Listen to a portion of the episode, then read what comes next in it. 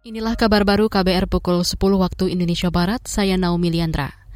Presiden Joko Widodo hari ini menyambut sejumlah pembalap MotoGP di Istana Merdeka, Jakarta. Kepala Sekretariat Presiden Heru Budi Hartono mengatakan ada belasan pebalap yang hadir bertemu Jokowi termasuk Mar Marquez, Joan Mir, Alex Rins, Francisco Bagnania, Jack Miller, Maverick Vinales, Alex Marquez, dan Takai Nagamiki. Usai beraudiensi hari ini, Jokowi melepas para pebalap untuk parade dari dan menuju Istana Merdeka dengan melintasi bundaran Hotel Indonesia. Jokowi tidak ikut serta dalam parade pebalap MotoGP itu. Sementara itu, Dorna Sport yang menjadi pemegang hak komersial MotoGP menyatakan kehadiran belasan pebalap di Jakarta sebelum terbang ke Lombok, Nusa Tenggara Barat menjadi bentuk apresiasi atas kerja keras pemerintah Indonesia dalam mempersiapkan MotoGP di sirkuit Mandalika. Ajang MotoGP mulai digelar lusa atau 18 hingga 20 Maret. Sebanyak 60 ribu penonton akan hadir langsung di sirkuit Mandalika, Lombok Tengah, Nusa Tenggara Barat. Kita beralih ke berita selanjutnya.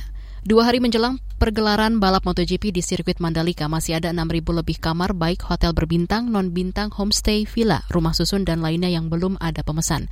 Kepala Dinas Pariwisata Nusa Tenggara Barat Yusron Hadi mengatakan kamar hotel yang sudah terpesan sebanyak 11.000 lebih kamar. Kebanyakan berada di wilayah Mandalika, Senggigi, dan Kota Mataram.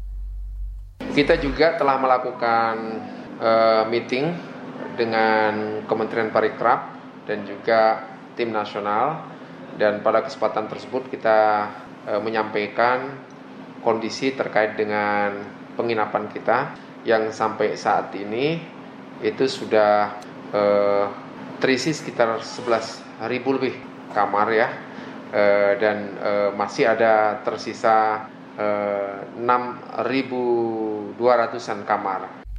Kepala Dinas Pariwisata Nusa Tenggara Barat Yusron Hadi menambahkan, wilayah tiga Gili di Lombok Utara yang menjadi salah satu daerah wisata favorit masih terdapat 2.600 kamar kosong, baik di hotel, villa, hingga homestay. Yusron menyebut waktu tempuh dari kawasan tiga Gili ke Mandalika hanya satu setengah jam saja. Sedangkan di Sembalun, Lombok Timur masih ada ratusan kamar yang juga belum terpesan. Kita ke informasi ekonomi. Nilai tukar rupiah yang ditransaksikan antar bank di Jakarta Rabu pagi ini diperdagangkan menguat 26 poin atau 0,18 persen ke posisi 14.301 rupiah per dolar Amerika dibandingkan posisi pada penutupan perdagangan sebelumnya. Sementara itu IHSG di Bursa Efek Indonesia pagi ini dibuka menguat 33,17 poin atau 0,48 persen ke posisi 6.951. Sedangkan kelompok 45 saham unggulan atau indeks LQ45 naik 6,8 81 poin atau 0,68 persen ke posisi 1008. Saudara, demikian kabar baru KBR. Saya Naomi Liandra, undur diri.